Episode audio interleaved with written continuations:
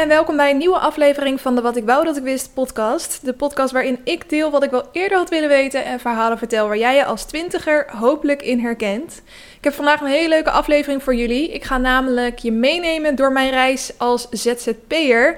Uh, mocht je het nog niet weten, uh, sinds afgelopen zomer ben ik ZZP'er. Tot die tijd heb ik uh, nou ja, toch wel een flink aantal jaar in dienst gewerkt. En um, ik merk gewoon een enorm groot verschil. Logisch ook natuurlijk. Maar ook best wel wat dingen waarvan ik denk, nou, dat had ik op zich wel eerder willen weten. En ja, dat is natuurlijk waar deze podcast over gaat. En ik denk dat het misschien ook nog wel, um, ja, dat is, het, is, het is een combinatie van wat praktische tips. Van hoe start je nou als freelancer, als ZZP'er. En dan ook de zeven lessen die ik daarbij heb geleerd. Ik um, ben nu ook zeven maanden aan het freelancen. Dus wat dat betreft, uh, uh, ja, voor elke maand eigenlijk een les. Maar ik heb ze over de hele periode wel uh, geleerd. Dus blijf zeker hangen als je dat interessant vindt. Ik begin de aflevering altijd even met terugkijken op mijn week. Ik doe dat door middel van een hoogtepunt en een dieptepunt.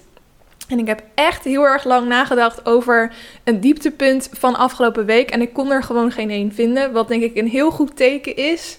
Um, en daarom heb ik gewoon wat extra hoogtepunten die ik met jullie uh, uh, wil bespreken. Um, afgelopen november heb ik een challenge gedaan. Elke maand doe ik natuurlijk een challenge. En toen was de challenge om in één maand een boek van 50.000 woorden te schrijven. Dat was me toen ook gelukt. Uh, mijn boek was toen alleen nog niet op het einde. Dus afgelopen maand heb ik dat boek afgeschreven. En uh, daarna heb ik het opgestuurd naar iemand die dat boek ging nakijken voor mij. En inmiddels heb ik mijn boek dus terug. Het gaat over een meisje, uh, 26 jaar, Noor heet ze, ze woont in Amsterdam. En ze is eventmanager in het jaar 2020, dus ze verliest haar baan door corona. En daardoor verliest ze eigenlijk ook een beetje zichzelf en wie ze nou is en wat ze nou eigenlijk in het leven moet doen. Um, ondertussen heeft ze ook een hele muur opgebouwd in haar uh, liefdesleven. En uh, ontmoet ze een nieuwe jongen en die dus een beetje door die muur door probeert te breken. Nou, dat is een beetje kort het verhaal, maar ik was natuurlijk onwijs nieuwsgierig naar wat mijn eerste lezer ervan zou vinden. En zij heeft dus ook allemaal aantekeningen gemaakt voor hoe ik het verhaal eventueel nog kan verbeteren. Nou, ik heb gisteren dus van haar doorgekregen Um, al haar feedback en aantekeningen. En ik ben er nog niet diep ingedoken. Dus ik heb alleen haar begeleidende mail gelezen. Maar uh, daarin zei ze al van: Ik vind het oprecht een fantastisch verhaal. En kijk nu al uit naar je volgende boeken. Dus dat was de eerste zin. Toen was ik gelijk al helemaal blij. En we zijn dus ook uh, aan het kijken of ik het eventueel bij uitgevers kan gaan aanbieden. En daar gaat ze me hopelijk ook bij helpen. En dan uh, ja, gaan we het verhaal gewoon nog verder vormen. En hoe vet zou het zijn als dit boek dan gewoon in de winkels komt te liggen. Want dat eigenlijk had ik mijn verwachting een beetje bijgesteld dat ik het misschien zelf ga uitgeven. En gewoon als e-book aanbied op mijn website bijvoorbeeld. Of wat me dan ook heel leuk lijkt, is om een luisterboek ervan te maken. Dus dat ik zelf mijn eigen boek voorlees. Um, maar het zou natuurlijk helemaal vet zijn als het echt officieel via een uitgever kan. Dat hij gewoon op bol.com komt, te komt te staan. In elke lokale boekhandel komt te liggen. Uh, nou ja, je moet groot stromen, toch? Dus nou, we gaan helemaal zien waar dit heen gaat. Maar voor de mensen die uh, dit eigenlijk ook al sinds november een beetje in de gaten houden en me toen al hebben gevolgd of de podcast luisterden, uh, dat was eventjes een kleine update. Dan weet je in uh, hoe ver ik inmiddels zit in het proces. Het boek gaat trouwens heten 2020 redenen, dus dan weet je dat alvast. Verder ga ik deze week mijn allereerste Clubhouse Room organiseren. Clubhouse is toch wel een beetje de app van het moment. Um, het is helaas alleen een app die beschikbaar is voor iPhone-gebruikers. En het is alleen op uitnodiging. Uh, ik heb nog wel wat uitnodigingen, dus als je van die app gebruik wil maken, dan kan je me even een DM op Instagram sturen. Dan uh, voeg ik je eraan toe. Mocht je de app nog helemaal niet kennen, het is eigenlijk een app waarin um, er alleen via audio uh, gesproken wordt. Dus er is eigenlijk alleen audio content. En als je de app opent, dan zie je allemaal verschillende kamers die je dan binnen kan treden. En dan kan je dus meeluisteren met de gesprekken die in die kamer gaande zijn. En je kan ook meepraten door je hand op te steken. En um, dan laten de moderators je wel of niet toe. Meestal wel. en dan uh, kan je een vraag stellen eventueel. Nou ja, voor mijn business uh, als social media expert is dat natuurlijk heel interessant. Dus ik zat er al langer over na te denken om eventueel een uh, room zelf te gaan organiseren. En um, nu heb ik samen met een ander meisje die ook in de social media business zit, uh, afgesproken om die room dus samen te gaan organiseren. En hij vindt aankomende donderdag op 4 maart plaats om 8 uur s avonds. En hij heet Zo maak je je Instagram-account appealing en converterend. Omdat je natuurlijk best wel vaak hebt dat mensen of heel erg aan het focussen zijn. Oh, het moet er allemaal goed uitzien en alles moet op elkaar aansluiten. Maar dat je er misschien helemaal geen klanten uithaalt. Of andersom. Dus dat is waar de room over gaat. Nou, hoe zorg je nou voor dat je Instagram-account er appealing uitziet en klanten binnenhaalt? Social media experts Kelly Baptiste en Iris Monen delen hun kennis en geven feedback op jouw account. Dus dat is aankomende donderdag. Mocht je de aflevering nog voor 4 maart 2021 luisteren, um, zorg dan dat je erbij bent. In ieder geval als je het interessant vindt om ook uh, meer over dit onderwerp te weten te komen. Of als je het gewoon leuk vindt om mij een keer live te horen praten. Wat me ook nog wel lachen lijkt, is om een keer een Clubhouse Room vanuit mijn podcast te organiseren. Wat we dan de Twintigers Talkshow noemen of zo. Alleen ik moet dat idee nog eventjes verder uitdenken. En ik vind het ook wel heel spannend om in mijn eentje een room te organiseren. Er wordt altijd wel um, aangeraden om met z'n tweeën in ieder geval te organiseren. En ik weet nog niet helemaal wie ik daar dan bij wil hebben. Of misschien moeten dat dan wel gasten zijn die uh, ooit te gast zijn geweest in deze podcast. En moet het dan iets, iets specifieker onderwerp zijn? Nou, als je daarover mee wilt denken, uh, ben je heel welkom. Je mag altijd in mijn DM sliden, dan weet je dat. En uh, een ander hoogtepunt van afgelopen week is dat ik dit weekend een glühwalk heb gedaan. In de aflevering van vorige week gaf ik de tip om als doetip eigenlijk tijdens het Lekker Leven blokje uh, om een, um, hoe heet dat, een, een, een, tour, een walking tour door je stad te doen. Uh, omdat je die best wel veel hebt nu. Uh, langs verschillende horecatenten. Dan steun je de horeca en dan ben je ook gezellig aan het wandelen. Helaas was degene die ik vorige week tipte gelijk al uitverkocht toen ik hem probeerde te bestellen. Maar toen zei een vriendin van mij dat je ook in Amsterdam de Glühwalk Tour hebt. En dat is helemaal gratis. Dus je hebt op een website gewoon uh, de routes staan. één route in Oost en één route in West. En um, die kan je dan gewoon zelf gaan lopen in het weekend. En dan zijn die tentjes gewoon open. Kan je overal dus glühwein halen of een lekker hapje of wat dan ook. Dus wij hebben dat gedaan. We hebben vier uur gewandeld afgelopen zondag. En dus al die horecatentjes langs geweest. En het was echt weer voor het eerst dat ik gewoon uh, een, een, mini beetje aan het zwalken was door de stad. ik heb wel overal eventjes gebruik gemaakt van de glühwein, zeg maar. En het voelde gewoon weer alsof ik een beetje gewoon naar dat gevoel... alsof je aan het stappen was met vriendinnen in de stad. En dat was gewoon heel erg fijn om weer eventjes mee te maken. Dus als je dat leuk vindt om te doen, als je gewoon zo, zo zoekt op Glühwalk Amsterdam. Ik zal anders wel weer even een linkje in de beschrijving van deze aflevering zetten. Dan kan je het zelf ook uh, gaan doen, want ik vind het wel echt een mega aanrader. We hebben nu dus de West Tour gedaan, maar we willen ook de Oost Tour nog uh, binnenkort gaan doen. En dan hoef je dus ook wel helemaal niet te betalen of rekening te houden met andere dingen. Dus uh, nou ja, dat eigenlijk. En dus geen dieptepunt afgelopen week, wat uh, denk ik een heel goed iets is. Um, dan gaan we nu door naar het lekker loeren blokje, waarin ik op een luchtige manier de week met je doorneem en kijk wat voor celebrity nieuws er allemaal is geweest. Um, er komt een nieuwe documentaire op Netflix waar ik onwijs naar uitkijk. Het heet Operation Varsity Blues: The College Admission Scandal. En het komt op 17 maart online. En misschien kan je nog wel de heisa herinneren rondom uh, de dochters van Lori Laughlin. Ik hoop dat ik haar achternaam goed uitspreek. Maar zij heeft uh, twee dochters, Olivia Jade en Isabella. En um, die waren op een gegeven moment op de leeftijd dat zij naar de universiteit konden. Lori Laughlin heeft in heel veel uh, bekende Amerikaanse series gespeeld. En uh, zij wilde dus heel graag haar dochters naar een goede universiteit sturen. In ieder geval zij en haar man natuurlijk.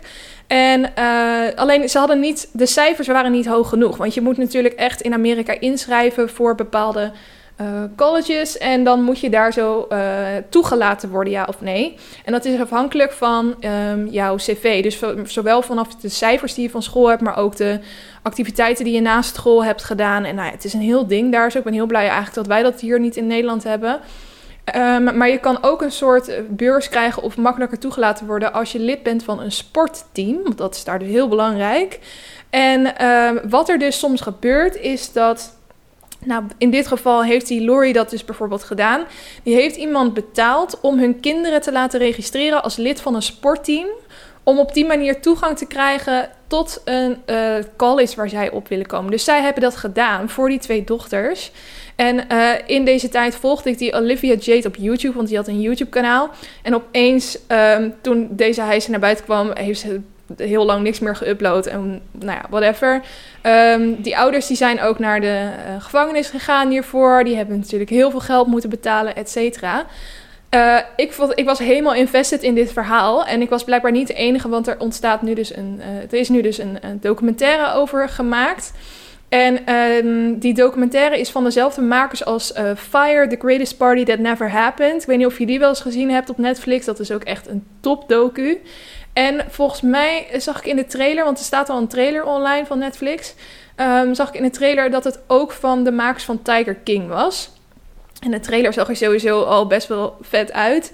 Dus ik ga deze sowieso kijken. En ik dacht, misschien is het ook een, een goede tip voor jou als je dit ook interessant vindt. Um, ja, insane. Ik, uh, the rich and famous man, the people, the things they do. um, dan nog iets anders, uh, wat ook binnenkort eraan komt. Dat is namelijk een interview met Harry en Meghan van het Britse Koningshuis. Of nou ja, althans, zij zijn dus niet meer van het Britse Koningshuis. Ze hebben daar afstand van genomen. En dat geeft hen nu dus ook de vrijheid om bepaalde interviews te doen en om veel meer te kunnen vertellen over het rijlen en zeilen binnen het Britse Koningshuis. En ze zijn natuurlijk ook met een reden uitgestapt. Ze hebben er best wel veel kritiek op. Niet alleen op het Koningshuis zelf, maar ook op de manier waarop um, ja, de, de Britse paparazzi omgaan met het Britse Koningshuis. Oprah die heeft een interview met Harry en Meghan gedaan. Er zijn al wat beelden van online en daarin zie je al kleine sneak peeks en ja, wordt eigenlijk al aangegeven dat ze dus heel erg open zijn en heel veel vertellen, heel veel dingen die we misschien nog helemaal niet wisten. Dat interview komt uh, op 7 maart in de VS uh, op tv. En ik neem aan dat er dan ook wel een manier komt, of dat er binnen twee weken dat die dan ook op Nederlands tv wordt uitgezonden. Dat hoop ik tenminste. Dat wij dit ook kunnen gaan zien. Want uh, oeh, ik ben heel erg benieuwd wat zij allemaal uh, te vertellen hebben. Ik heb dus ook The Crown gekeken afgelopen jaar. En de shit die daar alleen al wordt getoond. Ik heb zoveel geleerd over het Britse Koningshuis. Zoveel schandalen en roddels. En uh, ja, ik ben heel benieuwd. Dan uh, het derde, Anna Nushin, die lanceert dit jaar een make-up merk. In Amerika is dat natuurlijk um, de normaalste zaak van de wereld. Kylie Jenner met haar make-up merk bijvoorbeeld, nou, die haalt gewoon miljarden binnen. Um, Anna Nushin die heeft nu ook zoiets van, ik ga een make-up merk um, starten. Het heet Noosh, dus eigenlijk een verkorting van haar achternaam. En uh, er zijn verschillende uh, producten die ze al heeft uitgebracht. Het grappige is dat je die producten dus niet per stuk koopt, maar dat je een abonnement afsluit voor 24,95 per maand. En dan krijg je elke maand een doos opgestuurd met 4 à 5 van die make-up producten. Uh, en huidverzorging overigens. En het is dierproefvrij en uh, veganistisch. Niet gesponsord of whatever, maar ik vind het echt uh, ja, best wel vet eigenlijk. Ik zat op die website te kijken en ik heb vroeger ben ik wel eens geabonneerd geweest op zo'n beautybox. En dat was elke maand echt weer een feestje. Het was echt heel cool om te zien uh, ja, wat voor nieuwe producten je elke keer weer kreeg. En het voelde echt alsof je een cadeautje aan jezelf gaf elke maand. En ik had ook best wel weer zin om zo'n box te krijgen. Dus ik zit er serieus wel over na te denken om het misschien te gaan bestellen. Maar ik wacht denk ik nog heel even tot de eerste boxen verstuurd zijn. En dan zullen er wel wat reviews online komen. Want ik heb natuurlijk geen idee hoe goed die make-up producten van haar uh, gaan zijn. Want het is natuurlijk niet heel duur, 24,95 per maand. Dus uh, we gaan het zien. Tot slot, laatste nieuwtje. Um, als je deze aflevering luistert op de dag dat die uitkomt, op woensdag 3 maart, dan is uh, vanavond de eerste aflevering van een, een nieuw tv-programma. En ik heb het niet heel vaak over nieuwe tv-programma's, omdat ik er meestal niet zo heel boeiend vind. Maar deze lijkt me echt mega leuk. Het is een nieuwe make-over show met Chantal Jansen, Fred van Leer en Leko Zadelhof. En het heet Chantal's Beauty Camper. En zij gaan dus in een camper het land doorrijden om bepaalde mensen een uh, makeover te geven. Want um, Chantal die merkte dus dat er heel vaak op haar, als zij dan volledig in de klem zat, dan zit ze wel eens van die stories te maken. Uh, best wel grappig overigens. Maar ze zei dat ze dan best wel vaak reacties kreeg van meiden die zeiden van... oh, dat ziet er prachtig uit. Maar goed, ja, je hebt ook Fred van Leer en Leko Zadelhof... om je te kleden en te make-uppen. En toen dacht zij dus van ja, waar, iedereen verdient een Fred en een Leko. Dus we gaan ze gewoon naar de mensen uh, toe brengen. En het wordt niet een, volledige metamorfose, maar ze gaan gewoon uh, handige kleine tips geven om jezelf weer even een. Ja, dat die mensen zich weer mooi voelen. Want het zijn dus ook mensen die eigenlijk niets meer geven om hun uiterlijk, omdat ze vinden dat ze het zelf niet meer waard zijn, bijvoorbeeld. Um, dus er zit ook wel een, een, een deel mental health misschien bij. Uh, ik weet het niet precies. Ik heb een trailer gezien en die vond ik vooral heel grappig. Het is natuurlijk echt een hysterisch trio met elkaar. Dus uh, ik ben heel erg benieuwd naar dat uh, programma. Het lijkt me echt mega leuk. Um, en het komt dus elke woensdag om half negen op RTL 4 en vast ook weer overal terug te kijken. Dus daar ben ik ook heel erg benieuwd naar. Dat was voor het lekker loeren blokje. Dan ga ik nu door naar het lekker leven blokje, waarin ik je allerlei verschillende tips geef. Leestips, kijktips, doetips, downloadtips, whatever. Deze keer heb ik twee kijktips en een, leestip. De eerste kijktip, ja, ik zat te denken, wat heb ik nou voor kijktips deze week? Eigenlijk heb ik gewoon de hele week alleen maar Grey's Anatomy gekeken. Ik weet niet of ik het eerder heb verteld, maar vroeger had ik van seizoen 1 tot 14 of zo gekeken. En uh, daarna was ik er een hele tijd uit. En nu kwam ik erachter dat op Videoland dus al die seizoenen staan. En dus ook drie nieuwe seizoenen die ik nog nooit heb gezien. Nou, één seizoen heeft uh, volgens mij meer dan twintig afleveringen. Dus dat is nogal wat. Maar uh, ik ben het gewoon elk moment aan het kijken. Heel het weekend, als ik niet buiten was, zat ik gewoon binnen Grey's Anatomy te kijken. En ik merk ook gewoon dat ik er over droom. En dat als ik s ochtends wakker word, dat het eerste is waar ik aan denk, is de Grey's Anatomy. Het is echt verschrikkelijk hoe je soms opeens zo verslaafd kan zijn aan een serie dat het gewoon heel je leven overneemt. Maar goed, in dat stadium zit ik dus weer eventjes met deze serie. Maar goed, jullie kennen hem waarschijnlijk uh, allemaal. Dus ik wil ook eventjes een tip geven die misschien nieuw is. Want ik heb ook nog iets anders gekeken. Namelijk een documentaire over Billie Eilish. Zoals jullie weten ben ik mega Billie Eilish fan. Ook van haar uh, broer Phineas. Die maakt ook echt prachtige nummers. En um, zij heeft dus een documentaire, The World's a Little Blurry. En die is op Apple TV Plus te zien. Weer een dienst erbij dat ik denk, why? Maar ja, hè? iedereen moet een eigen dienst hebben blijkbaar. Uh, ik heb die dienst niet, dus ik heb hem stiekem laat, door mijn vriend laten downloaden. Niet verder vertellen. maar ik heb hem dus zitten kijken en hij duurt twee uur en drie kwartier volgens mij. Echt mega lang in ieder geval. Maar ik was uh, gewoon van begin tot eind betoverd. Ik vind het... Het was een soort combinatie van, um, ja, eigenlijk echt van jongs af aan al wel. Ik denk misschien vier jaar terug. Uh, tot aan nu. Uh, dat je heel haar levensverhaal ziet. En ook gewoon veel meer hoe het achter de schermen aan toe ging. Bijvoorbeeld toen zij die Coachella-show kreeg. Dat ze daar mega zenuwachtig voor was. En toen heeft ze dus in die show. Um, was op een gegeven moment de tekst kwijt. Is daar was ze helemaal depressief nadat ze die show had gedaan. Terwijl iedereen die show fantastisch vond. Ook toen ze Justin Bieber had ontmoet. Want als 12-jarige was ze dus hopeloos verliefd op Justin Bieber. En bij Coachella stond hij dus daar zo opeens. En dan zie je dus ook helemaal um, hoe zij na afloop aan haar familie aan het vertellen was hoe het was om Justin Bieber te ontmoeten. Nou, heel aandoenlijk. Uh, ook um, haar relatie. Ze heeft dus volgens mij twee jaar of zo een relatie met iemand gehad. Dus je ziet die jongen ook. En um, ja, hoe die, hoe die relatie ontstond en hoe het uiteindelijk ook weer uitging. Dus je ziet best wel veel. Uh, en ondertussen dus ook allemaal hele vette beelden van de shows die ze allemaal heeft gedaan. En ook het schrijfproces met de broer, want ze woont ik weet niet zeker of ze daar ze nog steeds woont, maar ze schrijven volgens mij nog steeds in het uh, slaapkamertje waar zij uh, vroeger al schreven en waar het huis waarin ze zijn opgegroeid, zeg maar. Ja, ik uh, vind het gewoon onwijs vet om te zien allemaal. En um, ja, ik vind het dus een mega aanrader. je moet dus alleen even kijken hoe je hem gaat kijken. maar goed, Billie Eilish, The World's a Little Blurry dus omdat het het begin is van een nieuwe maand, wil ik toch ook nog even terugblikken op het boek van de maand februari.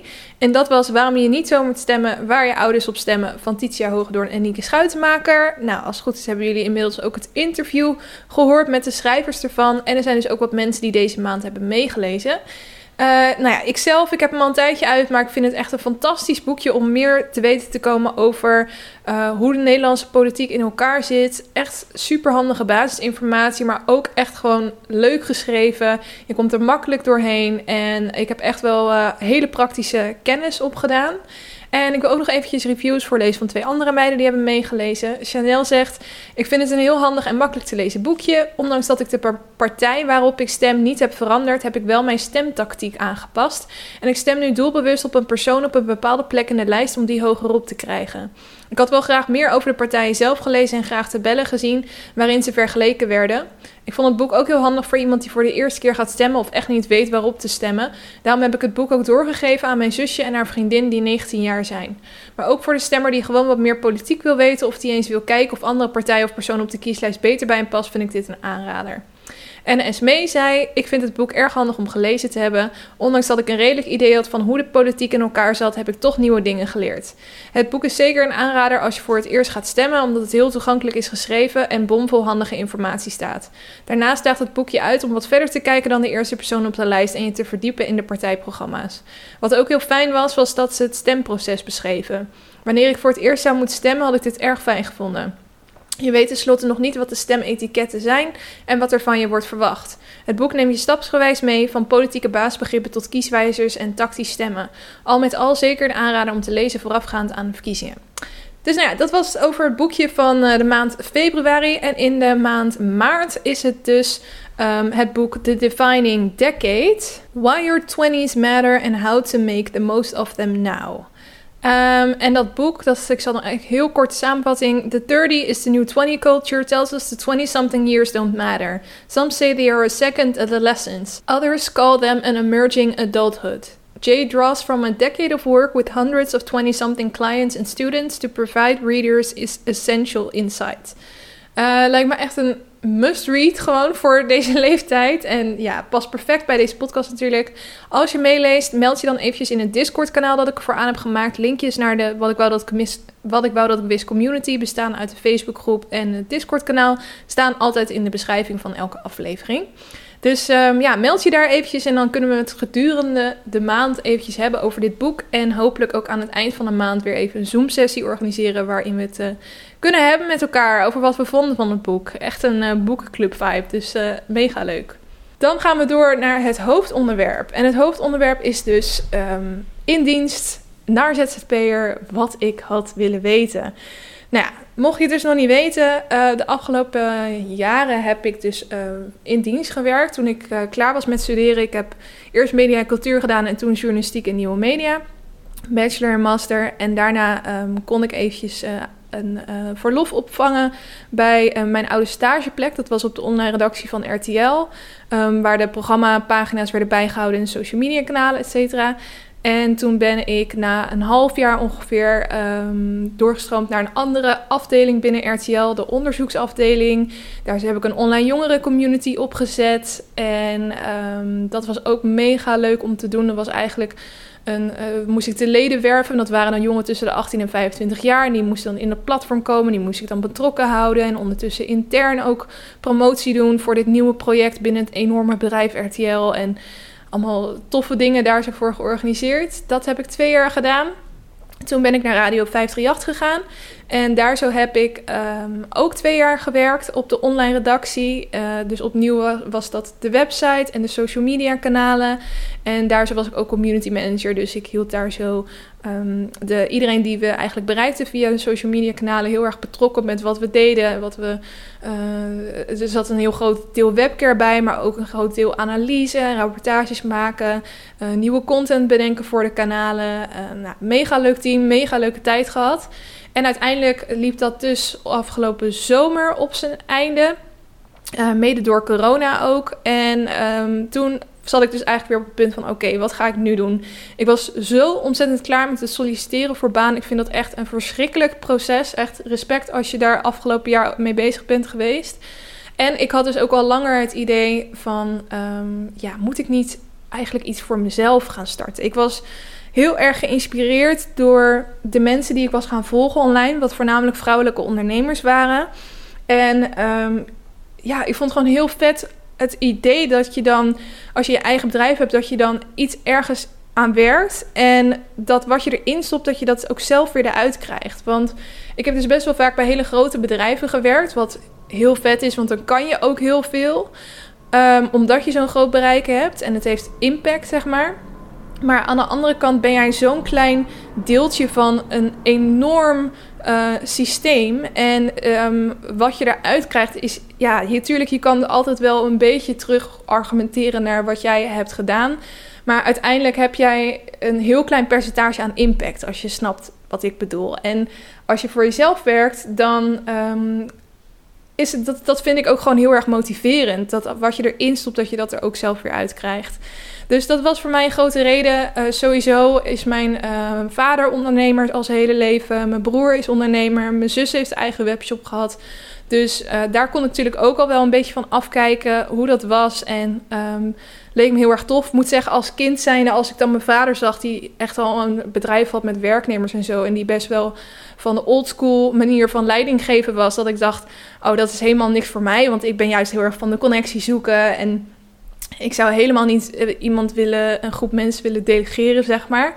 Um, maar toen ik ook steeds meer van die vrouwelijke ondernemers ging volgen, toen dacht ik van ja, het kan ook op een hele andere manier. En um, je hoeft niet direct een heel team om je te hebben. Je kan ook eerst voor jezelf. En ja, wie weet wat daar weer allemaal uitvloeit. Dus zodoende eigenlijk ben ik in augustus 2020 mijn business uh, gestart als uh, social media expert. Ik heb dus altijd in de wereld van social media gewerkt. Heb ik onwijs veel kennis over opgedaan. En ja, ik geloof ook echt wel in de skills die ik daar heb, uh, op dat gebied heb ontwikkeld. Dus die keuze was eigenlijk makkelijk gemaakt om dat te gaan doen. En um, ja, de afgelopen maanden, want dat is dus zeven maanden uh, geleden inmiddels, uh, heb ik super veel leuke klanten gehad. Ik um, heb voor Dutch Media Week gewerkt, een project van het Beeld- en Geluidmuseum uh, Omroep EVNS, wat een van die aspirantomroepen waren die op de tv wilden komen. Um, wat heb ik nog meer gedaan? Ja, dat waren dus echt social media beheeropdrachten, zodat ik echt werd ingehuurd om die social media kanalen te vullen. Maar ik heb ook ontzettend veel ondernemers al geholpen met het opzetten van hun social media strategieën. En dat vind ik ook mega leuk. Daar hou ik heel veel energie uit. Dat je dan samen gaat brainstormen van wie is nou je doelgroep, uh, wat is je doel van die kanalen, wat voor content past daarbij. En daar een heel plan omheen verzinnen, dat vind ik ook super leuk om te doen. Dus um, dat is eigenlijk waar ik afgelopen maanden heel veel mee bezig ben geweest. En uh, heel erg blij eigenlijk tot nu toe met de keuze uh, die ik heb gemaakt. Maar ook heel veel lessen opgedaan dus. Um, en zeker merkte ik dat in die beginfase dat ik het best wel lastig vind of, of vond om te bedenken wat ik allemaal voor stappen moest gaan ondernemen. Want er komt heel veel bij kijken natuurlijk als je uh, net start. En wat heb je dan allemaal precies nodig? Dus daarom leek het me goed om dat eens eventjes op een rijtje te zetten. Ik kan me voorstellen dat de mensen die deze aflevering hebben aangeklikt... Um, erover nadenken om zelf bijvoorbeeld van in dienst naar ZZP'er te gaan. Dus misschien is het handig om dat eventjes kort op een, uh, op een rijtje te zetten. Um, Oké, wat heb je nodig om te starten als ZZP'er of freelancer, hoe je het ook wilt noemen? Ten eerste natuurlijk uh, skills, een doelgroep en een rete goed aanbod. Daar staat en valt je business eigenlijk bij. Um, ten eerste is het dus heel belangrijk dat je skills hebt. Hopelijk heb je die al op een bepaalde manier opgedaan. Of um, desnoods moet je die nog aanvullen door middel van cursussen. Um, maar dat is natuurlijk hetgene wat je gaat verkopen, waar mensen je voor gaat inhuren. Dus ja, dat is heel erg belangrijk. Dan uh, de doelgroep. Voor wie wil je deze dienst gaan aanbieden? Uh, of deze producten? En dat vind ik zelf nog steeds best wel lastig. Eigenlijk wordt altijd gezegd door uh, bijvoorbeeld business coaches, et cetera. Dat hoe smaller jouw doelgroep is, hoe specifieker, hoe uh, beter dat is voor je business. Alleen ik heb dus het probleem dat ik het eigenlijk uh, voor su super veel bedrijven, of het nou grote bedrijven zijn of uh, kleine ondernemers, of dat het nou in de mediahoek zit of in de techhoek zit. Ik vind gewoon alles leuk om te doen. Dus ik ben zelf nog niet op dat punt gekomen dat ik een hele specifieke doelgroep uh, heb gekozen, uh, omdat ik nu gewoon nog eigenlijk van alles wat wil snoepen en het dan voor lief neem dat mijn business misschien in hun ogen niet snel, zo snel groeit als dat zij um, ja, liever zien of whatever. Ehm, maar weet dat dat dus wel uh, door de, bijna alle business coaches wordt gezegd. Dat je zorgt dat je een heel specifiek doelgroep hebt en daar dan ook echt je aanbod op aanpast. En dat je dat niet te breed gaat maken, maar eigenlijk ook weer heel smal houdt. Want hoe kleiner, hoe makkelijker het te verkopen is. Dus um, dat zijn wel goede tips om in ieder geval in de fase dat je je business gaat uitdenken uh, in je achterhoofd te houden. Nou, dan kom je natuurlijk aan bij een brandnaam en een logo. En bij brandnaam hoort dan ook uiteindelijk eigenlijk ook je inschrijving bij de KVK. Wat ik trouwens uh, best wel makkelijk vond. Je maakt gewoon een uh, afspraak op de website. En uh, daar moet je al wat dingetjes aangeven. Dan ga je naar het dichtstbijzijnde KVK-kantoor. En diegene die stelt je dan nog wat vragen over je business. allemaal niet zo heel hoogdravend. En meer gewoon om te kijken in wat voor categorie jouw business valt eigenlijk. Dan krijg je een papiertje, die moet je ondertekenen. Nou ja, dat is het eigenlijk wel. Um, maar voordat je dat gaat doen, is het dus wel belangrijk om te bedenken wat voor naam je aan je bedrijf wil geven. Um, ik heb zelf nog wel erover nagedacht om uh, echt een, een, naam voor mijn business te bedenken. Wat het voordeel daaraan is, is dat je makkelijker uh, kan uitbreiden eventueel. Dus stel je hebt aan het begin al zoiets van... oké, ik ga nu in mijn eentje beginnen... maar uiteindelijk wil ik echt met een heel team werken... dan um, wil je misschien wel een uh, aparte naam daarvoor bedenken. Bijvoorbeeld de social media studio-achtige naam. Um, ik heb ervoor gekozen om gewoon echt mijn eigen naam in te schrijven en gewoon als Kelly Baptiste, de social media expert, aan de slag te gaan. En um, je kan altijd nog je naam eventueel wijzigen. Dus mocht ik in de toekomst wel zoiets hebben van ik wil met meerdere mensen gaan werken, dan kan ik eventueel nog van een naam wijzigen. Maar ik vond het nu eigenlijk heel erg belangrijk om mijn eigen naam heel erg te laden. En uh, omdat ik natuurlijk zowel voor mijn podcast als voor mijn social media business dingen doe en die ook een beetje daarin wilde samenbrengen, heb ik gewoon voor mijn eigen naam uh, gekozen eigenlijk. Um, daarna is een uh, logo belangrijk en eigenlijk je hele branding op zich. Um, je kan daar natuurlijk mensen voor inschakelen. Als je zelf een beetje creatief bent, dan is dat ook heel leuk om zelf mee aan de slag te gaan. Is ook een beetje afhankelijk van hoeveel uh, ja, creativiteit je hebt, hoeveel tijd je er überhaupt voor hebt om dat soort dingen te gaan doen. Um, of ja, als je er geen verstand van hebt, zou ik het ook vooral uh, ik vond het zelf heel leuk om daarmee bezig te zijn. Dus ik heb in uh, Photoshop een beetje zitten uh, ja, uitproberen wat ik goed vond passen. En verschillende dingen geprobeerd. En daar is uiteindelijk wel iets tofs uitgekomen. Um, dus dat hou ik tot nu toe aan. En als ik op een gegeven moment denk van, nou, dit is het gewoon niet meer, dan um, weet ik inmiddels wel wat mensen, want dat was het ook. Aan het begin wist ik gewoon niet zo goed wie er dan goed zijn in branding. En inmiddels heb ik wel mijn netwerk uitgebreid en weet ik dus ook van, stel ik wil een keer een rebranding gaan doen, dan weet ik gewoon naar wat voor personen ik daarvoor naartoe wil. Uh, dan een website. Dus je wil eigenlijk wel een website hebben waar uh, klanten gewoon wat meer informatie kunnen vinden over wat je doet, wie je bent. Um, dat werkt gewoon toch nog vaak het handigst voor mensen. Er zijn ook mensen die zeggen: Oh ja, het eerste jaar van mijn business heb ik alles zonder website gedaan hoor. Want uh, het kwam gewoon naar me toe of het zat gewoon in mijn eigen netwerk met klanten. Dat kan. Uh, in mijn geval vond ik het toch wel fijn, ook voor mezelf gewoon. Ik vond het gewoon professioneel om een website te hebben voor mijn business. Um, mijn vriend is ook websitebouwer. Dus hij heeft nog wel aangeboden om dat voor mij te doen. Alleen, um, ja, ik heb ook een site voor mijn podcast, wat ik wou dat wist.nl. Die gebruik ik niet zo heel veel, is meer voor informatie. En uh, die heeft hij gebouwd, maar elke keer als ik dan iets aangepast wilde hebben, dan moest ik dat dus aan hem vragen. En ik wilde niet zo heel erg op hem leunen eigenlijk, want ik voorzag wel dat ik uh, wat vaker dan één keer per maand zeg maar iets aan mijn website wilde veranderen. Dus um, toen heb ik er toch voor gekozen om met een template te werken. En uh, dat heb ik gedaan via Wix. Je kan via Wix een website bouwen of via WordPress. Dat zijn eigenlijk wel de twee meest bekende. En je hebt dus ontzettend veel uh, templates binnen Wix en WordPress. Maar ook als je er gewoon op googelt, uh, WordPress template bijvoorbeeld. Um, die jij kan gebruiken voor je website. En die kan je dan, uh, dan kan je eventueel de kleur aanpassen. Je kan nog, daarna nog steeds heel veel aanpassen. Maar dan heb je in ieder geval een template waar je al uh, kanten mee op kan. Sowieso is het heel goed om een beetje inspiratie op te gaan doen. Wat voor stijl nou echt bij je uh, past. Behance heb je bijvoorbeeld. B-E-H-A-N-C-E. -E. Daar vind je heel veel inspiratie op over website en website design. Dus dat is wel tof om naar te kijken. En ja, uiteindelijk heb ik dus zelf in Wix gewoon via een template mijn... Um, uh, website gebouwd. En daar ben ik eigenlijk nu nog steeds heel enthousiast over. Het enige is dat ik wel zag. Um, ik zit ook in bepaalde Facebook communities, wat ook wel echt een aanrader is als je gaat ondernemen. Bijvoorbeeld ambitieuze meisjes of uh, freelancing females NL. Nou ja, zo heb je een aantal van die Facebook groepen. En daar vroeg iemand dus van, nou ja, ik ga een website aanmaken. Moet ik dat via Wix of WordPress doen? En toen zei iedereen WordPress, omdat je dus veel betere SEO hebt. Dus Search Engine Optimization. Dat je wil natuurlijk dat als iemand zoekt op social media expert in mijn geval, dat mijn website dan bovenaan komt te staan. En daar heb je allerlei verschillende trucjes voor. En um, die werken blijkbaar beter als je een WordPress site hebt dan wanneer je een Wix site hebt.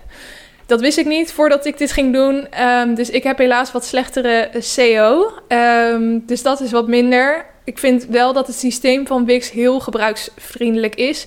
Gebruiksvriendelijker dan van WordPress. Maar ik moet ook zeggen, de laatste keer dat ik WordPress heb gebouwd is misschien wel acht jaar geleden. Dus misschien is het inmiddels wel beter. Maar ja, op zich ben ik qua gebruiksvriendelijkheid dus heel erg enthousiast over Wix. Um, en dat kost, ja, wat betaal ik per maand? Volgens mij 15 euro of zo per maand. Ik, heb wel weer, ik moet dan wel weer iets erbij nemen als ik bijvoorbeeld veel e-mails wil sturen. Ik verstuur elke week een social media nieuwsbrief. Dus daar moet ik dan weer een apart uh, pakket erbij voor nemen. Dus ja, dat is wel handig om te weten. Um, wat je verder nog nodig hebt, een uh, laptop in mijn geval. Dus ik heb een, uh, echt een goede MacBook aangeschaft een rip uit mijn lijf, maar nog steeds mega blij mee. En gebruik ik elke dag. En is gewoon het allerbelangrijkste voor mijn business. En voor de rest gewoon andere basisbenodigdheden voor je baan. Dus stel jij um, maakt bijvoorbeeld oorbellen, zeg maar wat. Dan kan ik me voorstellen dat je daar allerlei dingen voor moet inkopen. Nou, je moet natuurlijk zorgen dat je daar zo voldoende van hebt. Dat je een handige manier hebt om dat op te slaan. Dat je eventueel misschien een productiekantoor hebt. Geen idee wat je allemaal nodig hebt. Maar daar moet je natuurlijk over nadenken. Um, en voor de meeste freelancers is een uh, goede thuiswerkplek gewoon heel erg belangrijk in deze tijd. Want je kan niet echt in cafés gaan zitten. Um, je kan nog wel een coworking space plek huren. Maar ik heb er één en die gebruik ik eigenlijk niet echt omdat ik het toch niet zo chill vind. Zeker als er wordt gezegd dat iedereen moet thuiswerken, dan zit ik toch ook liever thuis. Dus um, ja, ik heb wel gewoon bijvoorbeeld een goed tweede scherm gekozen. Een uh, lekkere bureaustoel, et cetera. Dat dat gewoon allemaal in orde is. Um, wat verder, wat je nog meer nodig hebt, is uh, algemene voorwaarden. Die heb ik gelijk door een jurist laten opstellen. En dat zijn van die dingen waar mensen nooit zin in hebben. Had ik ook geen zin in. Zeker niet, geen zin om geld aan uit te geven. Maar wat zo belangrijk is. Want dit gaat er uiteindelijk voor zorgen. Stel, jij hebt een klant die niet wil betalen. Um, dan kan jij zeggen: Ja, hallo, ik heb aan het begin uh, mijn algemene voorwaarden meegestuurd. Je wist dat die gelden golden. En um, daarom uh, kan jij mij niks maken, weet je wel? En anders kunnen ze zeggen, joh, ik wist niet dat ik binnen zoveel dagen moest betalen. Dat staat toch nergens zwart op wit, weet je wel? Dus heel belangrijk om goede algemene voorwaarden te hebben. En um, ja, daar zijn ontzettend veel kantoren die dat uh, aanbieden. Dan een template voor je offerte en voor je facturen. Ja, offerte stuur je natuurlijk voordat je uh, aan de slag gaat met iemand. En soms dan gaat het trouwens ook wel eens gewoon per mail hoor. Dat ik in een mail opstel wat, hoe de opdracht eruit ziet. En dan eventueel mijn uh, algemene voorwaarden als bijlage toevoeg. Um, en achteraf wil je een factuur kunnen sturen. Nou, je hebt op internet allerlei templates waarin je ziet hoe zo'n factuur eruit ziet en uh, wat voor informatie er allemaal op moet staan. Zelf heb ik mijn, um, um, mijn template gemaakt in Canva. En omdat ik ook gewoon wilde dat het er leuk uitzag. En dat kan je, kan je in Canva heel makkelijk doen. Dus daar heb ik mijn offerte- en facturen template in gemaakt. En um, wat ook heel veel mensen gebruiken, is een boekhoudprogramma. Bijvoorbeeld Moneybird wordt heel veel gebruikt. En dan kan je in dat systeem gewoon invullen uh, wat ja, de gegevens zijn van je klant, hoeveel geld je van hun nodig hebt. En die, dan wordt vanuit Moneybird eigenlijk mails gestuurd naar jouw klant en dan kunnen ze het op een hele praktische manier overmaken.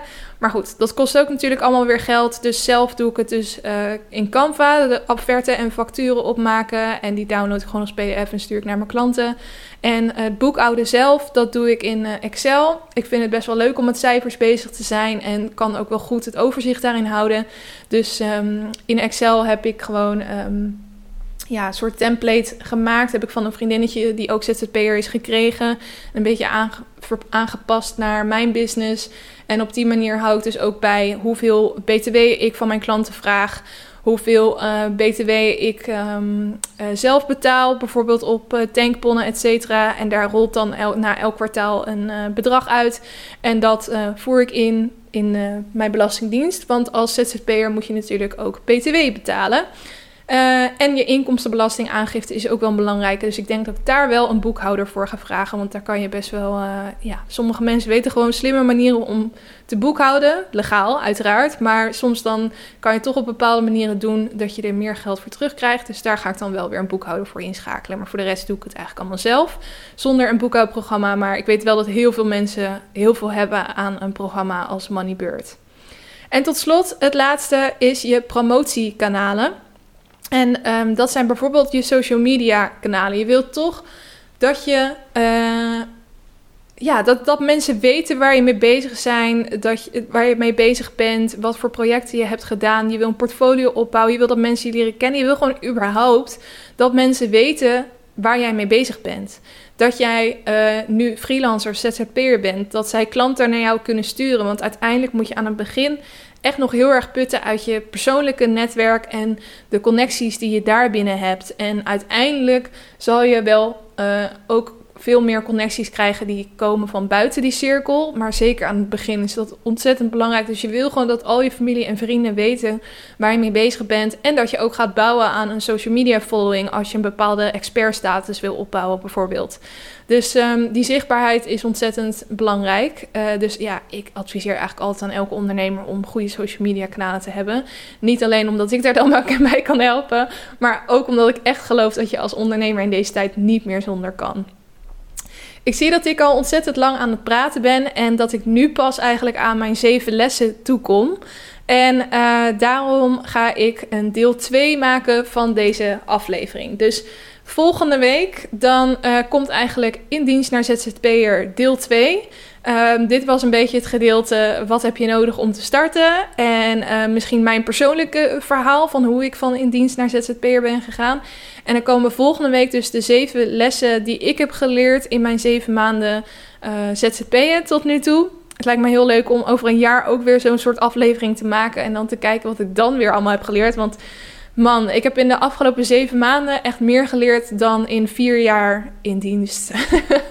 Omdat je zoveel verschillende dingen doet. En um, je bent eigenlijk altijd met alles tegelijk bezig. En uh, nou, de leercurve is gewoon onwijs hoog. Dus daarover volgende week meer. En dan wil ik nog heel eventjes de challenge met jullie behandelen. Want de challenge van de maand maart is om elke dag een nieuw iemand te benaderen. En dat komt door een bepaalde uh, TikTok die ik had gezien. Waarin een meisje dus vertelde dat ze elke maand of uh, sorry, elke dag, 100 dagen lang, een nieuw iemand had benaderd. En dat er allemaal toffe dingen uit voort waren gekomen. Dat ze nieuwe banen of opdrachten had gevonden. Dat ze te gast was geweest in podcast. Dat ze nieuwe vrienden had gemaakt. Dat ze, nou, ze noemde een hele lijst met dingen op. Toen dacht ik, ja, dat is eigenlijk best wel een vette uitdaging. Dus ik had ook de TikTok gedeeld op mijn Instagram-account een aantal dagen geleden. En er waren best wel wat mensen die zeiden van... Oh, super vet, ik wil dat ook doen. En hoe ga jij dat dan aanpakken? En ik merkte gewoon dat er best wel uh, wat behoefte aan was... om um, ja, voor, mensen om aan mee te doen, maar ook om het over te hebben. Dus ook daarvoor heb ik een Discord-kanaal aangemaakt. En uh, linkje vind je dus weer in de beschrijving van deze aflevering. En daarin uh, kan je dus even melden als je mee gaat doen met de challenge... Er ook wat mensen die zeiden van nou, ik vind elke dag wel heftig. Maar ook als je, je kan natuurlijk omvormen naar wat voor jou werkt. Dus het kan ook één keer per, per week zijn bijvoorbeeld.